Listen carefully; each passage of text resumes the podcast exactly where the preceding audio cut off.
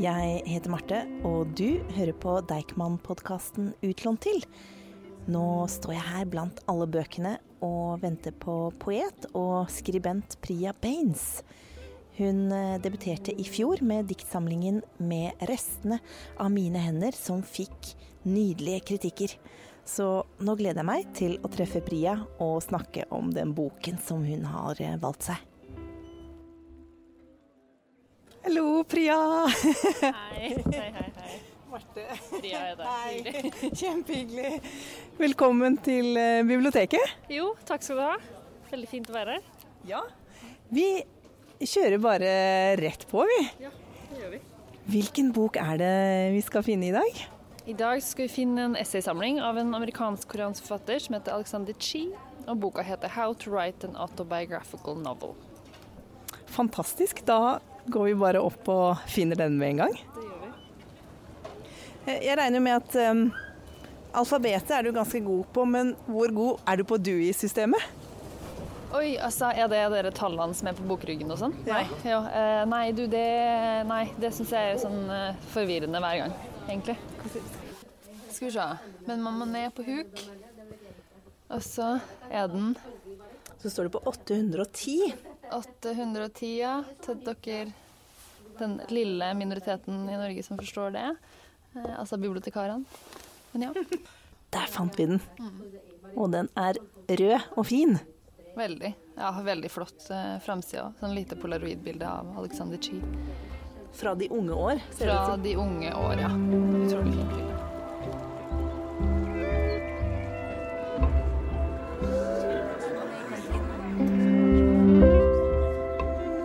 Bria, i dag så skal vi gjennom en litt sånn annen øvelse enn hva vi pleier. For Mm. du har jo valgt deg en essaysamling. Hvorfor valgte du den her?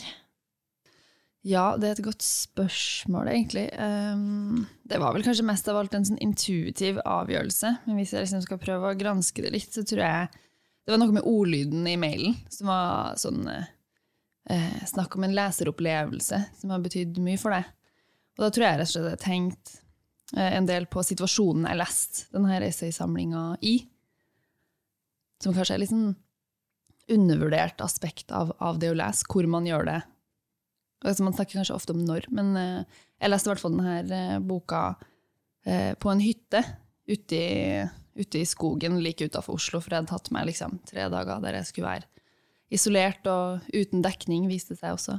Eh, og det her var like etter at jeg hadde sendt siste versjon av mitt eget bokmanus til den første boka mi til redaktøren min. Eh, så det var liksom det hadde vært et intenst år. Jeg hadde liksom jobba mye med denne boka, men kanskje ikke hatt så mye tid til å sitte ned og liksom tenke tenke over hva det er å liksom skrive og, og gi ut bøker, og hva slags liv det er.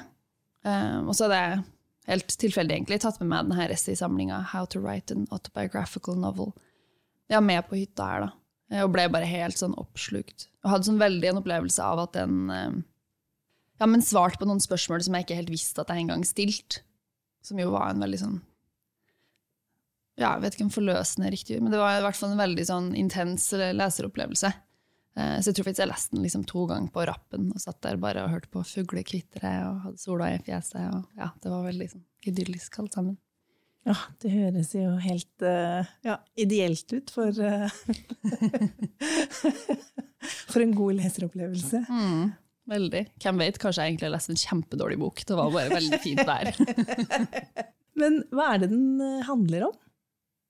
For det første så har den jo en veldig sånn tongue-in-cheek type tittel, 'How to write an autobiographical novel', for det er jo ingen how to-bok. Selv om den er liksom full av sånn visdom og lærdom om det å, å skrive, så jeg, tror ikke man jeg tror ikke man får det å skrive en bok etter å ha lest den her, på en måte. Men uh, likevel så sier vel kanskje tittelen noe om, om hva, det, hva det er som liksom folder seg ut her. Det handler jo mye om å skrive, da. Uh, om hva det vil si å ha et skrivende liv, men også liksom Eh, Jeg opplever at den handler mye om eh, ja, men hvordan liksom være et eh, menneske med politisk agens, kanskje. Så tar Det er en rekke essays som tar utgangspunkt i Alexander Chee sitt eget liv. Så det er liksom En essay handler om en språkreise han foretar når han er 16 år. Et annet essay handler om en sånn rosehage, eller sånn vinterhage med masse roser som han har hjemme til seg. Så handler det mye om tida han har brukt på skriveskole, både som elev og som lærer, som jeg tror traff meg, meg veldig. Så passasje om, om, å forvalte liksom en arv som man får, en, får etter at faren dør. Ja, altså det handler jo om livet hans, på en måte. Tatt opp til litt sånn et høyere nivå, kanskje. Hva, hva vil det si å bruke, å bruke livet sitt på å, å skrive bøker? Hvorfor skal man det? Hva er poenget? Vi skal prøve å snakke, snakke litt om hele boka også, men, men du har valgt deg, valgt deg, ut ett essay som vi skal prøve å snakke spesielt mye om. Hvilke av essayene er det? Det er det siste essayet i boka, og det heter On Becoming an American Writer. Og det er et essay som tar, tar, utgangspunkt i dagen etter at Donald Trump ble valgt til president i USA, så vi er tilbake i 2016. Og der uh, Chi da sitter, uh, hjem og er liksom, liksom, satt ut av at det faktisk har skjedd. Og så på den tida så underviste han som skrivelærer på et sånt masterprogram på et universitet jeg ikke kommer på i farta. Og så tenker han jo at ja, men jeg må jo dra på jobb, jeg skal jo på jobb i dag. Det er jo en vanlig dag, selv om den føles veldig, veldig særegen. Og når han kommer på, på skolen, så sitter liksom elevene inne i klasserommet. Og det kjennes bare ut som det er noen som har dødd, og at de bare venter på å fortelle han hvem det er. Og så er det en av elevene som stiller et spørsmål som er noe i retning av hva er, hva er poenget? Hvorfor skal vi liksom bruke tida vår på å sitte her og snakke om eh, noveller og dikt, og at vi har så lyst til å skrive, og hva slags type liv det er, når eh, man allikevel kan liksom åpne avisa og se at en misogyn populist har blitt valgt til president i landet man bor i. Og så bruker han resten av det essayet på å svare på det spørsmålet. Hva er poenget? Og det gjør han liksom via um, ja, mange avstikkere på sånn typisk essayistisk vis. Eh, han snakker en del om 9-11, um, hva det ville si å skrive etter det. Så alt er jo veldig sånn USA-spesifikt på en måte, men uh, vi eksponeres jo veldig mye for USA her i Norge også, så det er mye som på en måte er lett å være med på likevel. Så snakka han en del om uh, Annie Dilliard, som var en uh, som skrivementor, en amerikansk forfatter, det også, som som han hadde på, da han sjøl gikk på skriveskole. Og en del av ja, lærdommene han fikk av hun. Han snakker også en del om det å skrive selvbiografisk, som jo tittelen også sier. Så han prøver liksom å svare på det spørsmålet hva er, hvorfor skal man skrive? Hvorfor er det viktig? Hvorfor er det Hvorfor føles det kanskje som at det ikke er viktig av og til? Hva kommer den følelsen av? Kunne du lest et lite utdrag for oss? Det kan jeg. Ok, Så det her er et lite avsnitt som kommer etter at han, eh, han om 9-11, eh, sånn sin egen opplevelse. Han bodde i New York på den tida. Og så han blikket litt for å snakke om skrivinga. When writers in New York complained they could not write after 9-11, it seemed to me they were frozen by writing for that audience, by writing for the missing. who we all felt somehow were watching, waiting to see if we were worthy of being alive when they were dead, waiting to see the stories we would tell about the life they would no longer have among us, waiting to see if it was worth it. Hva er det han sier her? Ja, hva er det han sier her, da? Han uh, sier jo et eller annet om hvem man skriver for, tenker jeg. I liksom en verden med mye politisk uro, for å bruke en litt sånn ja, plump formulering, men uh, hvem er det man henvender seg til etter at det har brutt ut en stor krise, som man jo liksom må forholde seg til altså Hvordan innlemmer man det i sitt eget virke? da? Og det tenker jeg at eh, i den tida vi lever i nå, med liksom klimakrisen, alle mulige migrasjonsstrømmer, krig altså det, det I hvert fall nå liksom det seneste året, så, eller etter pandemien, kanskje. Eller pandemien pågår, jo fortsatt mange plasser i verden. Hvordan liksom forholder man seg til alt det her, og samtidig kunne liksom forsvare at man, uh, man holder på med litteratur, da?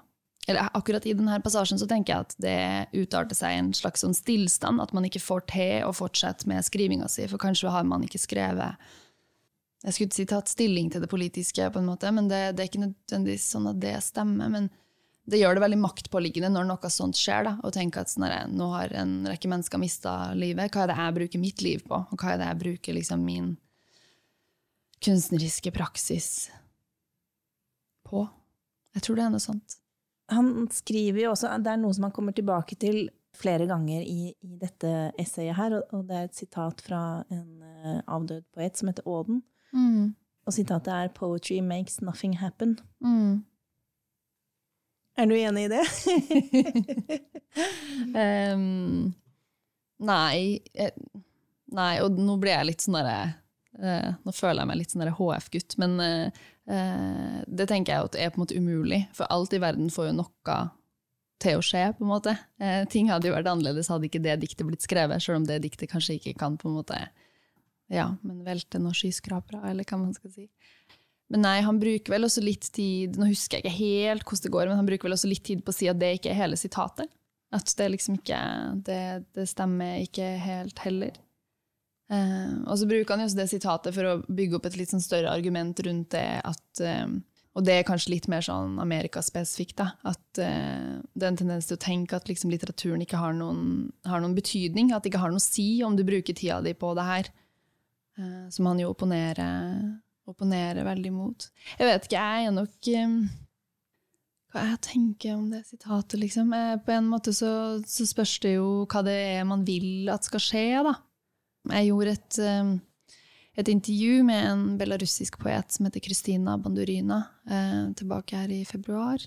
Uh, og det ble et veldig spesielt intervju. Vi skulle snakke om det å være poet og aktivist i, i Minsk nå i dag, under Lukasjenko og diktaturet. Eh, og det gjorde vi. Eh, men det som skjedde, var at jeg liksom leste gjennom intervjuet etterpå og var sånn her er det masse hull, så vi skulle snakkes igjen. Og, og innen den dagen kom, så hadde det brutt ut krig i Ukraina i mellomtiden. Og Belarus eh, Lukasjenko uttalte veldig tidlig at han, han, kom til å gjøre det, det Putin sa, og russiske styrker fikk lov til å liksom, gå gjennom via belarusisk mark for å angripe. Så det var jo et eh, altså Det ble jo på en måte bare et helt nytt eh, intervju. Og vi hadde jo i forveien snakka mye om måte, forholdet mellom aktivisme og, og, litteraturen. Hvor hun liksom i første omgang hadde vært ganske um, Hadde ikke vært sånn skråsikker, men hun hadde vært ganske sånn forankra i det her med at aktivismen har noe med poesien å gjøre, eh, for hennes vedkommende. Da. Og når jeg snakka med hun andre gang, så, så var hun jo altså, alt var jo bare helt annerledes, på en måte. Jeg husker liksom hun sa én ting som jeg har sittet og vært i bakhodet mitt helt siden, egentlig, som er at kanskje krig er den grensa hvor poeten blir overflødig. Og det er veldig vanskelig å argumentere imot, syns jeg. Altså, jeg, jeg, tenker jo at liksom, kunst og litteratur kan eh, tenke, kan både være vitnesbyrd, tenke lengre tanker, kan liksom for, for, vi, vi, kan forestille oss ting som vi ikke kan andre plasser i samfunnet. Men samtidig så, så, tror jeg det finnes liksom Det finnes situasjoner som er så prekære, da, at der er det Altså det er liksom mat, vann, søvn. Altså man kicker inn i den, da, og der Poesien er nok ikke i den kategorien der. ja, for noen, kanskje? Ja. Men ja, jo, kanskje. Ja, men Jeg tror jeg hadde blitt ganske provosert hvis liksom apokalypsen bryter ut og liksom vennene mine skal drive og ta med seg sine favorittdiktbøker. Det tror jeg hadde vært litt sånn der Vi må ha med oss noe vann, hallo. For du er jo eh, poet selv og har gitt ut en diktsamling. Men kan du på en måte føle sånn noen ganger at det er sånn, altså, meningsløst, på en måte? Ja, absolutt. Det kan jeg. Kanskje ikke sånn spesifikt knytta til skrivinga. Det er et vanskelig spørsmål å svare på i november. Man vet jo ikke helt hva det er. Om det er liksom årstida og været og Jeg tror at det, alt det her er på en måte kanskje spørsmål som man ikke, lander nødvendigvis. Eller jeg klarer ikke å se for meg at jeg kommer til å måtte være sånn, ok, men sånn er det.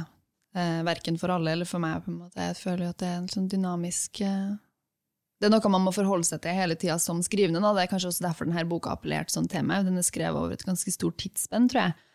Og i løpet av boka så er han på en måte innom mange livsfaser, og også innom ulike måter å forholde seg til, til skrivinga på. Da. Både sånn total uforståelighet og bare ren impuls. At jeg holder på med det her, men jeg har egentlig ikke tenkt så mye over hva det vil si. Og sånn øyeblikk av stor innsikt. Da, på en måte.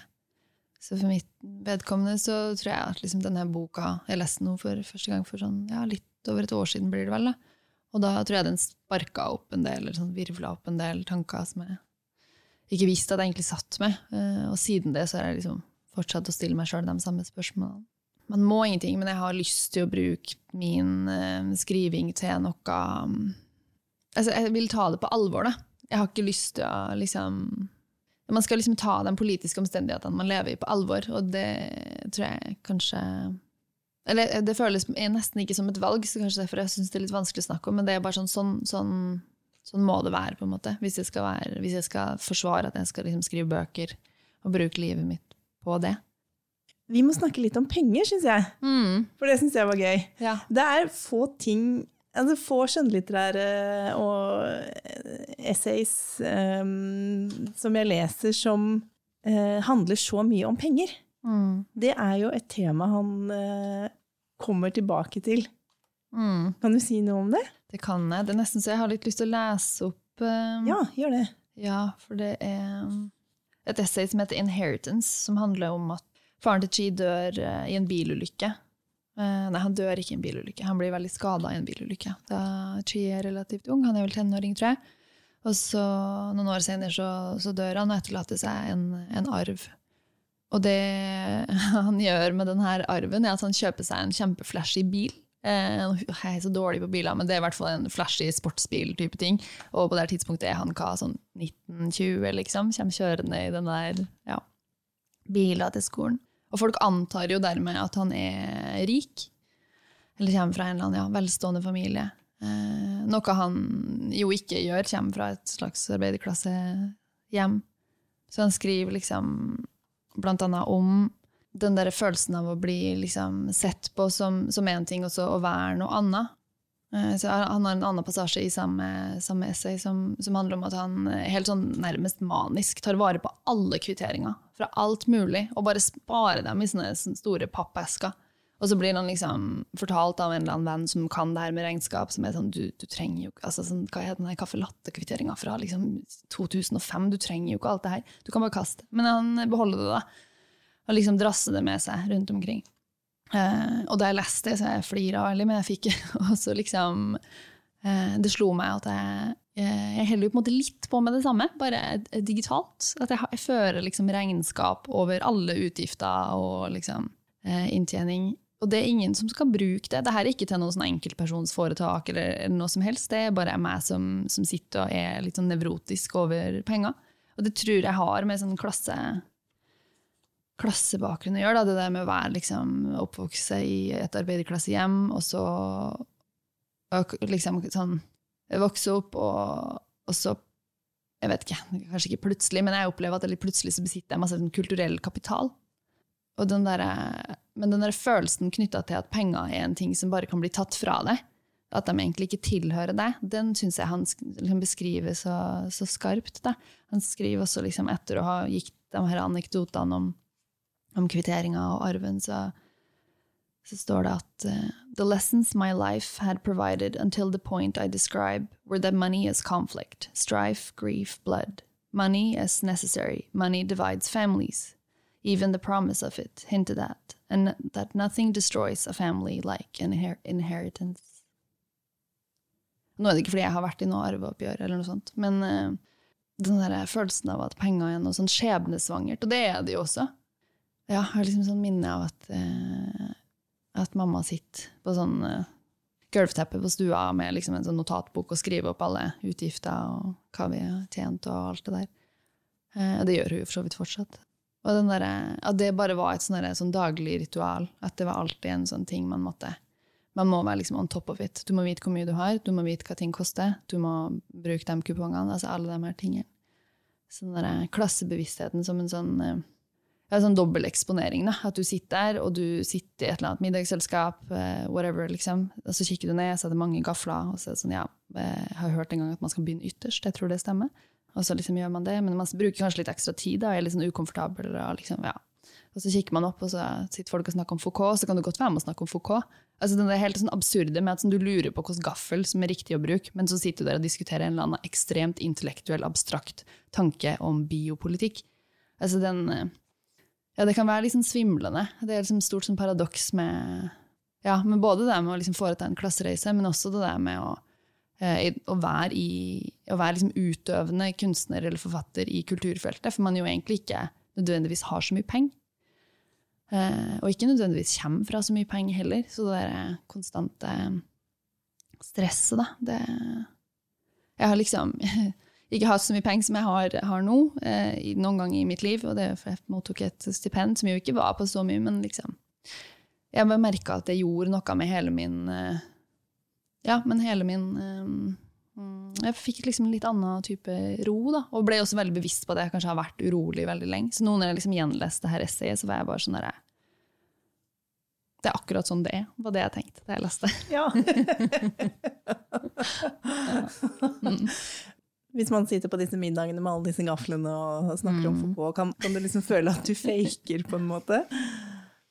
Ja, det kan jeg eh, nok føle på. Men ofte så kan jeg kanskje eh, Jeg kan bli litt trist. Altså Ikke på mine egne vegne fordi jeg ikke vet hvilken gaffel jeg skal bruke. Det går nå på en måte bra. Eh, jeg føler også det er en ting som ja, man kan også liksom være jovial og tulle det litt vekk, på en måte. Men jeg kan noen ganger kanskje ta meg i å tenke at det er litt sånn patetisk, på en måte. Altså, sånn, Hvor viktig er egentlig en gaffel? Altså, ikke for å si at liksom, skikka per se ikke har en ja, men verdi, på en måte. Men akkurat da kan jeg bli litt sånn derre Det at jeg føler meg ukomfortabel over det her, det er også bare helt, helt latterlig. Det er en gaffel. Hvem bryr seg? Altså, så jeg kan bli litt sånn, er litt trist over det. da, på en måte. Og at det kan skape så mye ubehag til med å liksom ikke forstå kodene i et rom. Ja, og jeg kan tenke helt sånn banale ting som at ikke det viktigste bare at alle har det bra. Ja, ja. og er inkludert i samtalen, og at alle blir mett. Altså sånn, Må vi sitte her og Ja, må vi, på en måte? Ja, det Ja. Kan bli litt uh, Ja, rett og slett litt sånn øh, Det her uh, Ja. Må vi? Og, og Chi skriver jo så mye om altså, For et slit å være forfatter. Mm. Uh, så mange strøjobber.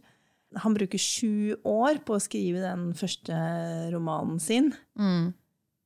Og er jo da også veldig bekymret for dette med penger, og sier det også til studentene sine på, på den um, skriveskolen mm. han underviser på. Åh, er det Ja, man må jo tenke veldig mye på penger som forfatter. Ja, man må jo det. Uh, nå er jo vi, altså, jeg har jo studert på en skriveskole i Danmark og og hatt en del med liksom svensk eh, litteratur å gjøre også. Og jeg tenker jo at det er jo selv eh, i forhold til land vi liker å sammenligne oss med, så er vi, vi er veldig heldige her i Norge med alle ordningene vi har, innkjøpsordninger, og at vi har en så sterk forfatterforening og alle de her tingene. Så et, altså, det er nok et godt land å være virksom som forfatter i. Men absolutt, til tross for det også, jeg tenker Eh, jeg er jo også veldig heldig og får en del eh, jobb, men det er jo eh, ja, sånn lappeteppeøkonomi gjør jo et eller annet med psyken. Jeg tror ikke det er liksom holdbart eller bra for noen å gå rundt og liksom hele tida føle at man skal bevise at man er god nok til å få en jobb til. Så ja, penger er en sånn Det er jo en stor del av ens liv. Så det er jo Og man må forholde seg så veldig aktiv til det på et eller annet vis. Det er ikke bare liksom en lønn som kommer inn på konto hver måned kanskje snakkes ikke nok om. jeg vet ikke. Det er også sånn litt floskelaktig ting å si, men, eh, men ja, jeg kunne kanskje tenkt meg at folk snakka mer om sitt forhold til, til penger. For det er jo liksom flaut, på en måte? Eller? Ja, jo, det er kanskje det. Men samtidig så tenker jeg at det, Vi går jo alle rundt og tenker på det, eller gjør vi ikke? Eller, jo, ja. Men man snakker jo ikke så mye om sånn, eller sånn, hvor mye man tjener, eller mm. eh, Bruker du barnetrygden, mm. eller sparer du den? Nei, det er kanskje ikke det første man sier, at ja, da har jeg begynt å bruke barnetrygden. Har dere? Altså det Hva har jeg sett om det? du sa at han spurte spurte seg altså hva er, hva er poenget med litteratur, hva er poenget med å skrive? Mm. Hva er poenget, da? Ja, nå har jeg lyst til å bruke direkte sitat. Du får lov. nå følte jeg litt at det var sånn som på 'Vil du bli millionær?' Og så får man sånn, Du kan ta 50-50, du kan ringe en venn, og nå ringer jeg en venn. Det at jeg blar i boka for å svare på spørsmålet. Ok. What is the point I was asking myself that day?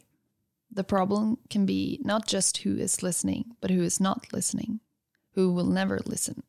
The point of writing in the face of the problem was the point of Samistat, readers and writers meeting secretly all across the Soviet Union to share forbidden books, either written there or smuggled into the country. The point is, in The Widow of Osip Mandelstam, memorizing her husband's poetry while in the camps with him in the Soviet Union, determined that his poems make it to readers. The point of it is in the possibility of being read by someone who could read it, who could be changed out past your imagination's limits. Hannah Arendt has a definition of freedom as being the freedom to imagine that which you cannot yet imagine the freedom to imagine that as yet unimaginable work in front of others, moving them to still more action you can't imagine. That is the point of writing to me. You may think it is humility to imagine your work doesn't matter. It isn't, much the way you don't know what a writer will go on to write. You don't know what a reader, having read you, will do. Oi, ja. Kan du uh, mm. simultanoversette Hanne Arendt? Uh, skal vi se, det står uh, at frihet er, er, friheten til å forestille seg det man enda ikke kan forestille seg.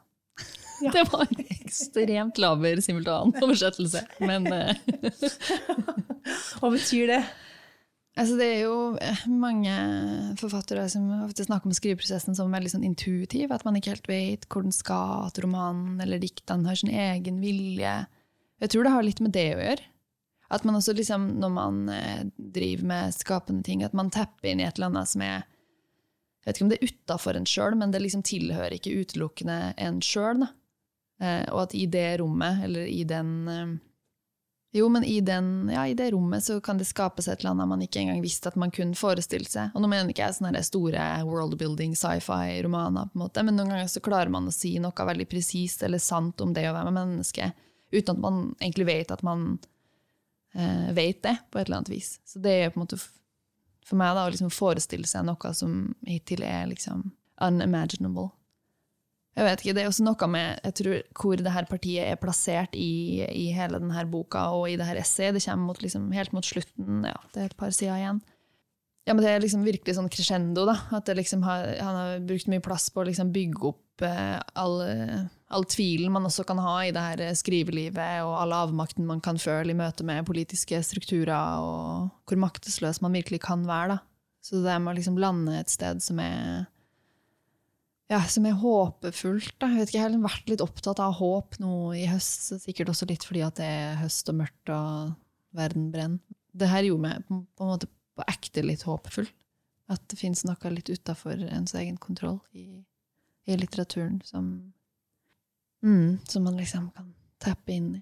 Han sier også at mm, i land med, med et fascistisk styre, så er det mm, altså de som skriver, som man eh, går etter eh, først. Mm. Det sier jo noe også om hvor viktig litteraturen er. Mm. Jo, absolutt. Og jeg tenker jo at, at det er en veldig Altså, jeg forstår veldig godt at man brenner bøker først, på en måte. Eh, altså ut ifra et fascistisk tankesett, eh, skal sies. For det er jo der ja, men nettopp forestillingsevnen bare får breie seg ut. ikke sant? Det er jo der man kan se for seg at alt annet enn det vi lever under nå, er mulig. Det finnes jo en verden der vi har eh, redda klimaet. Den finnes jo, men den finnes jo ikke her materielt. Akkurat nå driver vi og brenner av olje som om det var ja, vår siste dag her, liksom. Men, eh, men i, i, skrifta så kan, så kan liksom alt skje, da. Og også liksom, forholdene vi lever under nå, kan liksom demaskeres. Uten at det trenger å være liksom eksplisitt politisk litteratur eller noe, noe, av det, på en måte. Men det kan eh, Jeg tenker jo at det, i et fascistisk regime er jo ganske radikalt å bare beskrive mennesket som grunnleggende omsorgsfullt, f.eks. Sånne bøker skjønner jeg godt at man vil ha brent. Man vil jo gjerne at man vil jo ikke at befolkninga skal vite det, for da kan man jo leve på en helt annen måte. Det kan jo ikke være mulig. Jeg tror vi må slutte der. Mm. Det var en uh, nydelig avrunding.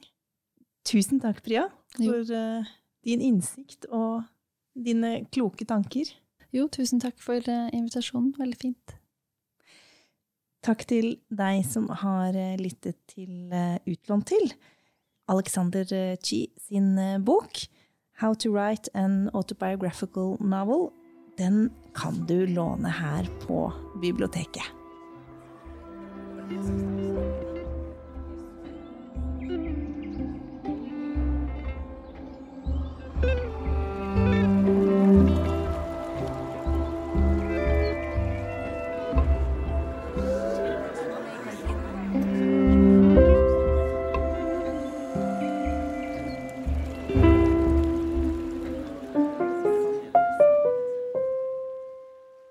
Dette er en podkast fra Deichman, hele Oslos folkebibliotek.